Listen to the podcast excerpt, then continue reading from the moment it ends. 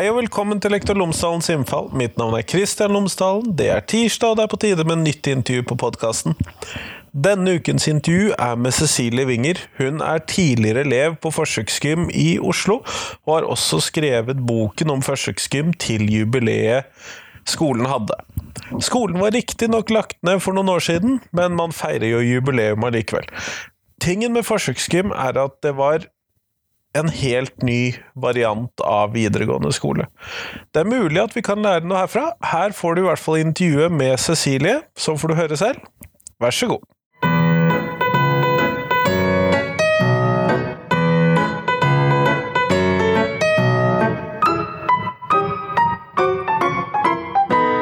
Cecilie Winger, tusen takk for at du har tatt tid til meg i dag. Det var bare hyggelig. Før vi starter, kan du fortelle lytterne mine tre ting om deg selv, sånn at de kan bli litt bedre kjent med deg? Ja, nå har du jo sagt hva jeg heter, så det, så det, det teller ikke med, gjør det vel? Nei, det gjør ikke det. Jeg er altså uh, skjønnlitterær oversetter og saklitt, sakprosaforfatter. Nettopp. Ja, det, det er vel Altså- nesten to ting. Det er to ting. Skal vi regne det som to? Ja, det, Det kommer, får du bestemme selv. og så har jeg en egen podkast som Ja. heter 'Oversetter er ålreite folk', som handler om oversetteri. Den skal vi putte inn i shownotesene til episoden. Det er bra. Og så har jeg to voksne sønner. Ja, det er kjempeflott. Grunnen til at vi snakker sammen i dag, er jo av en av disse sakprosabøkene som du har skrevet. Eh, om forsøksgym. Men da, eh, for mine lyttere, så tror jeg kanskje vi trenger en forklaring. Hva var forsøksgym? Ah, Forsøksgymnaset i Oslo, det var eh, tre svært modne 17-åringer som i 1966 satt og tenkte at gymnaset var eh, så gammeldags, og disse lektorene som de måtte være på de forme. Eh, Og du vet, altså, dette var jo en tid hvor rett før eh, The Sober of Love. Det var mange ting som var i endring. Det var en del forfattere som hadde skrevet bøker om gymnasiasten og liksom om, om å ta ansvar for eget liv istedenfor å få juling på skolen. ikke sant? Så i hvert fall så skrev de en løpeseddel som de delte rundt på skolen i Oslo. Eh, til elever og lærere i den høyere skole. Hvem blir med og lager en ny skole? Og Arne Næss var en av de første som meldte seg. Han forsvant ut igjen, men det var ganske mange si, voksne mennesker som kom inn. da. Og så under over alle under, høsten 1967 så flyttet de inn i øverste etasje på Tøyen skole i Oslo. De fikk en egen inngang, fordi på den tiden så var det sånn at småbarnsfamiliene flyttet ut av indre Oslo by. Eh, Så det var nesten ikke elever igjen på Tøyen, det var en barneskole. Men rektor der ville ikke ha disse langhårete menneskene gående i samme skolegård som de små, så de måtte gå inn bakdøren. Ja, det har jeg en viss forståelse for. Det kan man si. Men eh, hvordan var det da denne For det, dette er jo da tydeligvis da en elevinitiert skole. Men h- h- hvordan hva inneholdt skolen? Hva, hva, hvordan var det skole... Altså Det som ble bestemt fra første øyeblikk, var at alle skolemedlemmer Skolemedlem var man hvis man var lærer, eh, elev, vaktmester, eh, vaske, vaskehjelp. Hadde én stemme hver på allmøte. Så det var ett ukentlig allmøte, som bare ble kalt A-møte. Um, og der bestemt, ble det bestemt små og store ting. Jeg begynte selv på forsøksgummi i 79, så da hadde jeg helt minimalt med interesse hva som hadde skjedd tilbake i 67 i urtiden, liksom. Disse tingene, disse tingene har jeg jo forsket i i forbindelse med 50-årsjubileet for to år siden, da boka mi kom. Nettopp, nettopp. Så, men når man da driver denne skolen, og når du kommer dit da i 79, hvordan er den skolehverdagen som da møter deg der? Det var helt vidunderlig. Jeg vokste opp i en liten by og følte meg ganske ensom der. Og den dagen jeg hadde begynt på forsøksgym Jeg bodde i kjellerstuen, ganske lavt under taket, men jeg var så glad at jeg tok et sånt hopp opp i taket og fikk nesten hjernerystelse. For jeg tenkte at nå, Jeg var 15 år, jeg begynte ett år for tidlig på skole, så jeg nå kan livet endelig begynne. Jeg fant liksom folk som meg selv, tenkte jeg. Det er litt sånn merkelig å si det i dag, men det tenkte jeg den gangen. Det var en skole, Vi, vi, vi var forferdelig glad i den skolen. Hvert eneste år kom det Når skulle hver klasse konstituere seg, da fikk man et eget navn. Min klasse het Egalia, etter Egalias døtre, den feministromanen. Og vi fikk lov å Var det 500 kroner til maling, eller hva det var? Sånn, vi, alle hadde hvert sitt skap, og alle brukte mye energi på å pynte klasserommet. I min klasse var det flere av disse tegneserietegnerne som i dag er store. og da, Masse sånne bilder på veggen av de forskjellige menneskene. Og så hadde man selvfølgelig et bord i midten, og vi satt rundt og hadde undervisning. Og alle deltok i undervisningen. Det var ikke tale om at det var noe, øh, det var noe uh, støy eller noe sånt noe fra elevene. Men uh, ikke alle deltok i undervisningen, det er tull. Det var ikke oppmøteplikt. Men de som var der, de var veldig aktive. Men det satt forferdelig mange oppe på fritidsrommet og spilte gitar og røykte også, altså. det høres ut som en ganske annerledes skolehverdag, men klassesamholdet må jo ha vært ganske stort? Ja, men det gikk jo helt på tvers. Altså, vi kjente jo alle kjente hverandre. Og vi var igjen og laget middag på kvelden. Og, og til, I tillegg så var det et hemmelig rom på loftet som het Prom. Der måtte du gå opp loftstrappen, og så måtte du under en planke og gjennom et rør, og der var et hemmelig rom som het Prom. Det var en annen luke også, det var en annen utgang også, inngang, og det var en luke ned til franskrommet, så den kunne man bare bruke liksom på kveldstid. Og der var det innredet med masse stearinlys og røkelse og masse puter. Bare, vi røykte jo med begge hendene, og jeg skjønner ikke jeg skjønner, Vi overnattet i det lille rommet der. Vi visste når Securitas-vaktene kom, så da måtte vi være helt stille. Forsov vi oss, så våknet vi av undervisningen rett under oss. Og Vi trodde det var hemmelig, men jeg leste gjennom alle disse gamle avmøteprotokollene så kommer det med visse mellomrom. Det hemmelige rommet på loftet må stenges! Det må ikke tennes stearinlys oppe på loftet! Og dette var en gammel bygning, ikke sant? Men vi identifiserte oss forferdelig sterkt med, med skolen. Og det skjønner jeg jo i en sånn Men når du da malte klasserommet, det var noe man da gjorde alle disse Hvert år. Vi oppfant jo kruttet hvert eneste år på nytt. Vår gamle lærer som ble begravet i forrige uke, Herman Ruge, han har, vært, eh, han har jeg tenkt mye på gjennom tidene, for han nesten hoppet opp og ned av entusiasme og sa at det var lurt! Det har vi aldri tenkt på. Og da jeg selv kom inn i arbeidslivet, så har jeg truffet så mange mennesker som sier nei, det prøvde vi i 1973, det kommer ikke til å nytte. Jeg setter de to, de, de to måtene å tenke på opp mot hverandre. Men at han orket det med 16-åringer som kommer har akkurat de samme forslagene hvert eneste år. Skal vi røykeforbud på skolen? Vi hadde til og med avstemning om vi skulle ha lov til å røyke hasj på skolen. Vi hadde avstemning om, skulle, om skolen skulle være atomfri sone. og det var faktisk kontrastemmer på det forslaget også. Interessant problemstilling. Jeg må innrømme det at jeg, jeg vet jo at skolen min ikke er atomfri sone. Fordi at man har noen eh, naturfagsmidler osv inne i skolen. Men sånn, hvis vi tenker atombomber og atomkraftverk, så er det veldig lite av det på skolebygningen min. Ja, jeg tror ikke det var så veldig mye Men folk var ganske kontrære, da. Ja, det kan jeg tenke meg. Så... så... var det jo veldig aktivt miljø. altså Jeg sier at vi sov over, men det var jo altså, i kjelleren var det jo alle de store bandene øvet. Jokke og Valentinerne ble jo grunnlagt. Jeg gikk i klasse med bare av dem, eller alle sammen kanskje. Og Kjøtt var i et annet øvingsrom. og Det var jo sånn veldig dynamisk miljø, altså. Det høres jo ganske sånn sosialt og berikende ut sånn sett, da. Eh, men når man da har undervisning på en skole sånn som dette her, øh, vet, hva opplevde du som annerledes ved selve undervisningen på forsøksgym? Vi begynte veldig tidlig med sånne gruppearbeider og sånn, altså før det ble populært. Og med prosjektbasert læring. Jeg husker vi hadde vikingtiden. Da dro vi på tokt nedover Vestfold med buss. Og så hadde, leste vi eh, vikingromaner, og så lærte vi om det historie. Og i matematikk hadde vi vikingoppgaver. Og så, altså veldig sånn tenkning på sånne ting. Tidlig tverrfaglighet, altså? Veldig tidlig.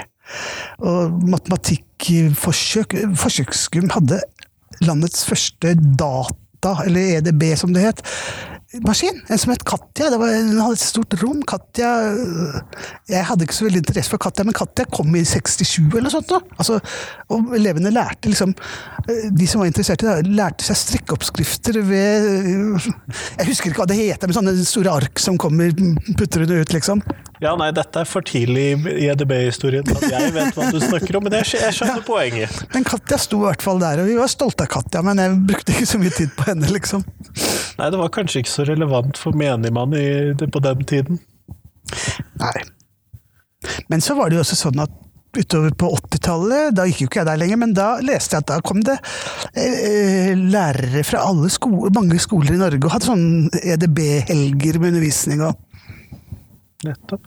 Eh, Men når du da har satt sammen da denne 50-årige historien til forsøksgym, og forsøksgym ble jo nedlagt for noen år siden. Ja, det varte bare i 33 år, så det, så det var ikke fullt 50 år. Og forsøksskolen ble jo nedlagt hvert eneste år de siste 20-25 årene av byrådet i Oslo. Som ikke innså at det egentlig var en veldig billig måte å holde folk i altså, Fordi forsøksskolen hadde jo to typer elever, hvis man skal se veldig stort på det, holdt jeg på å si. Altså veldig ressurssterke elever, og de som ikke ville gått på gymnaset ellers, antakeligvis, da. Men byrådet var etter oss bestandig, altså, ned, altså i hvert fall etter min tid, da. Nettopp. nettopp. Så det ble jo en sånn fugl føniks opp fra asken hvert eneste år. Og, du kan tenke deg å rekruttere elever når man ikke vet om skolen fortsatt er skole om en måned, liksom. Når, I juli får elevene til å søke. Så det, det, det ble veldig vanskelig. Og det ble slutten på forsøkskum, og også det at tidligere så mm, kunne elever fra hele landet begynne. Altså fra, og det rekrutterte veldig mange fra omland, altså Asker og Bærum og Akershus og sånn. Etter hvert så fikk ikke de lov å komme. Hvis det ble laget nye regler, og da ble det jo langt færre elever. Søkegrunnlaget ble ganske tynt. Veldig. Og så flyttet skolen ut av byen, ut på forskjellige, langt utenfor byen. Jeg ser at det kan eh, gi noen effekter der. Eh, Men eh, når du da har sett på da, denne historien til forsøksgym, er er det noen sånne spesielle ting som du vil trekke fram som utmerker seg ved skolen? Altså det som var, var at skolen aldri fikk eksamensrett. Så at vi gikk opp til eksamen i absolutt alle fag hele tiden. Ja, det var som privatisteksamen Ja. alle elever i alt. Alle elever i alt. Og det ble jo dermed ikke noe rivalisering holdt jeg på å si, mellom lærere og elever. Vi sto på samme side. Det var ikke sånn at de skulle gi oss noen karakterer. Vi hadde jo ikke karakterer. Men, men, men som en sånn livslang læring. Altså, jeg lærte studieteknikk for første gang i mitt liv da jeg begynte der.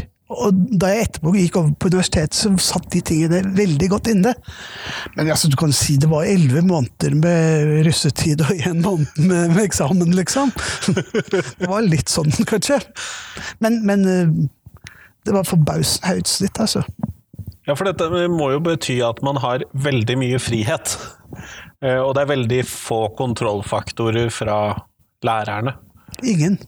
Altså, Vi diskuterte som sagt oppmøteplikt en gang i året, da. Ja, Men det ble nesten alltid nedstemt. nesten alltid. Det, det ble innført kanskje, og så varte det kanskje en uke også. Det høres ut som en veldig interessant måte å drive en skole på, da.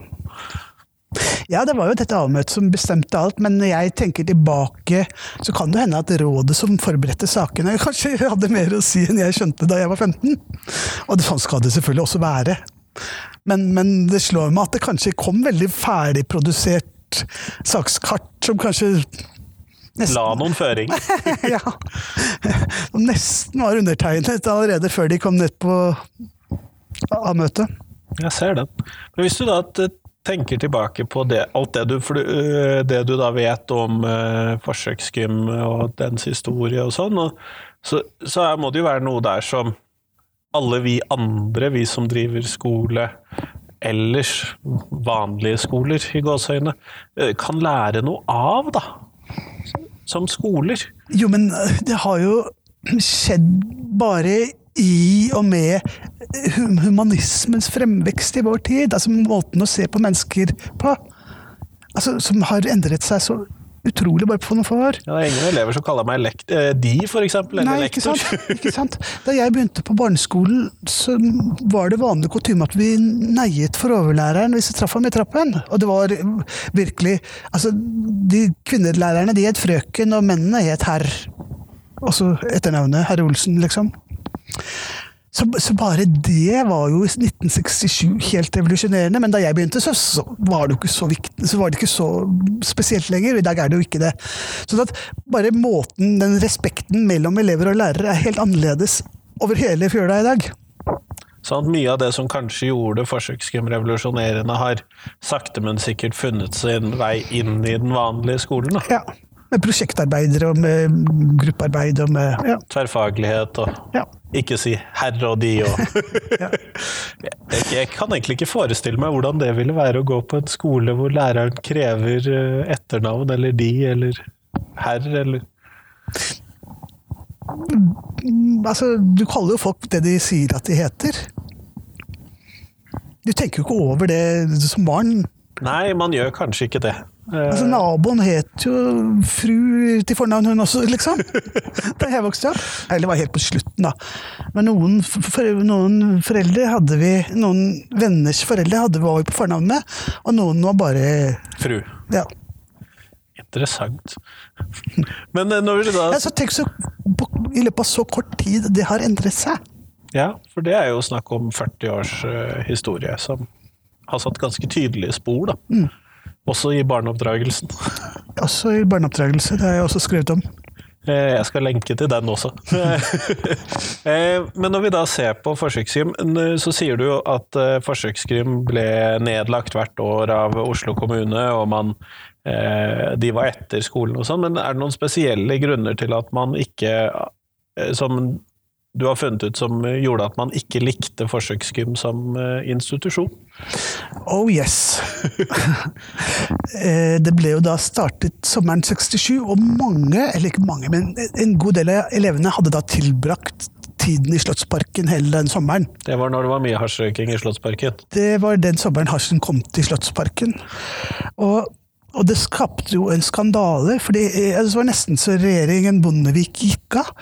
Fordi at eh, han, statsminister Bondevik begynte å konspirere med, med, politisjefen i Oslo kommune. Og, og de hadde noen opplysninger som gjorde at forsøksgym skulle legges ned. Altså, hvis man ser på 1968 nyhetssakene, jeg tror det var i 68, hvis ikke det er meg i årstall. Men i alle fall, altså, det var så mange nyhetssaker, det var på forsiden av alle aviser på den tiden. Og, og Bondevik måtte jo be om unnskyldning for at han hadde liksom spredt rykter i stortingssalen. Han sier at 'jeg vet noe dere ikke vet, men forsøksgubler bør ikke få penger til neste, neste semester'. Så Det var den ene gangen, og den andre gangen var jo da forsøksskolen flyttet videre til Hammersborg fra Tøyen skole. Og det står i alle papirer at det bygget skulle rives. Det var den gamle rektorboligen til Katta. Katedralskolen i Oslo. Og det står i alle papirer at, at ikke de skal få bo der lenge, men allikevel, da de virkelig skulle rives, så okkuperte jo Forsøskum skolen selv. Eh, og med kom en flokk med anarkister og en flokk med ML-ere. eh, og dette var også da forsidestoff i alle aviser. Og politiet rykket ut med digre sånne altså slagvåpen og hester og sånne uniformer. og, og red oppover Akersgata. Det var den største politiaksjonen siden krigen. Eh, det, ble, det, ble, det ble så prestisje fra begge fronter, liksom. Her skal vi holde ut, og nei, ikke pokker. Ja, og entreprenøren begynte å rive mens det var unger inne i skolen. Og det er noen bilder av ham hvor han Akersgata i gul Nei, sånn hvit makko-undertøy. Liksom, han er så ivrig at han mister klær, altså mister buksa. Altså, det, det er mye, mye, mye humor i dette også. Altså, det var selvfølgelig en katastrofe da dette skjedde i 78. Eh, Det var året før jeg begynte, og jeg var veldig veldig interessert. husker jeg. Gateavisa skrev om dette, og Dagbladet. Jeg var veldig sånn yes, Dette var litt kult. dette vil jeg gjerne vite mer om.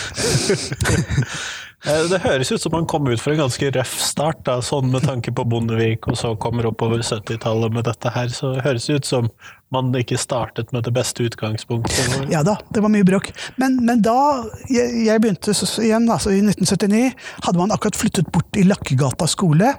Eh, den gamle Idioten, den skolen som Bjørneboe kalte Idioten. Eh, og, og da ble det da Skolen ble værende der i noen tiår, og det var veldig fredelige år. Da fikk man, eh, da fikk man lov til å begynne å tenke mer undervisnings... Altså kreative ting, og slippe å ha politikere og, og politi mot seg hele tiden. Så, så den eh, læreplaner og sånn, det er vel den storhetstiden egentlig, altså. Når man virkelig da kunne få tid til å bruke læreplaner og Uten eh, ytre fiender hele tiden. Ja. Det ser jeg. Eh, hva var det som til slutt medførte at skolen ble lagt ned? Ja, denne langsomme utarmingen Av elevressurser og ja. Ikke så mange elever igjen. og man hvert eneste år må starte på bunnen av jeg ser at det kanskje skaper litt for stor usikkerhet både for lærere og elever. Mange av de veldig sterke elevene forsvant ut ved at man ikke fikk lov å rekruttere fra Men dette var sånn jeg sier at Da jeg begynte der, så ga jeg fullstendig blaffen i hva som hadde skjedd før meg også. Jeg gikk der bare i to år, og da var jeg forferdelig lei og dro min vei. Og tenkte ikke på forsøkskommunen i det hele tatt før det gikk ganske mange år. altså. Så Det er egentlig litt merkelig at jeg har brukt da så mye tid byarkivet i Oslo og meg gjennom gamle aviser. Ja, nei, for det at uh, Hvis du som veldig lei, men da fikk du kanskje også den modningstiden som var nødvendig for at kunne skrive om det. Ja. Sånn, eh, Cecilie Wingen, vi går mot slutten av podkasten nå, og da vil jeg egentlig bare si tusen takk for at du tok deg tid til meg i dag, så at jeg fikk lært mer om forsøkskum. Ja, det var hyggelig å være her.